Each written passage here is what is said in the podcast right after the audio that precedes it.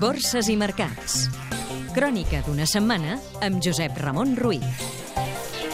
Les borses europees han tancat a l'alça una setmana marcada sobretot per la decisió del Banc Central Europeu de rebaixar un quart de punt el tipus d'interès fins al 0,5%, un nou mínim històric, per la formació del nou govern italià, per les pessimistes previsions econòmiques de primavera de la Comissió Europea i també per la bona evolució del mercat laboral dels Estats Units, on les setmanals sol·licituds de subsidi per desocupació i la taxa d'atur han baixat fins al nivell més baix des del 2008.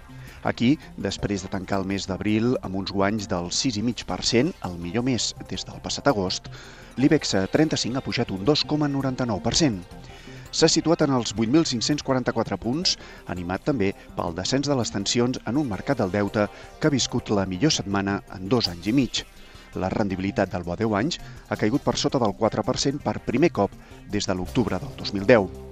Des de l'1 de gener, el parquet espanyol, obviant la renúncia del conseller delegat del Santander, Alfredo Sainz, acumula uns guanys d'un 4,62%. Cotitzades catalanes. CaixaBank. Ha tancat amb bona demanda una emissió de bons a 5 anys per un import de 1.000 milions d'euros. Avertis. Ha obtingut uns beneficis en el primer trimestre de 141 milions, un 72% menys respecte al mateix període de 2012. Banc Sabadell. Ha comprat, d'una banda, la banca minorista a Espanya del banc britànic Lloyds, amb una operació valorada en 84 milions d'euros, i de l'altra, el 49,9% de Mediterráneo Vida, a Aegon, per 449 milions i mig d'euros. Grífols. Els laboratoris han guanyat de gener a març 91 milions, un 35% més que ara fa un any, impulsat, diu, pel negoci internacional. La Seda de Barcelona. Ha reformulat els seus comptes del passat exercici augmentant les pèrdues a 199 milions d'euros davant dels 134 milions anteriors. En el primer trimestre ha perdut 17 milions d'euros. Cementos Molins. Guanya 4,7 milions fins al març, un 53% menys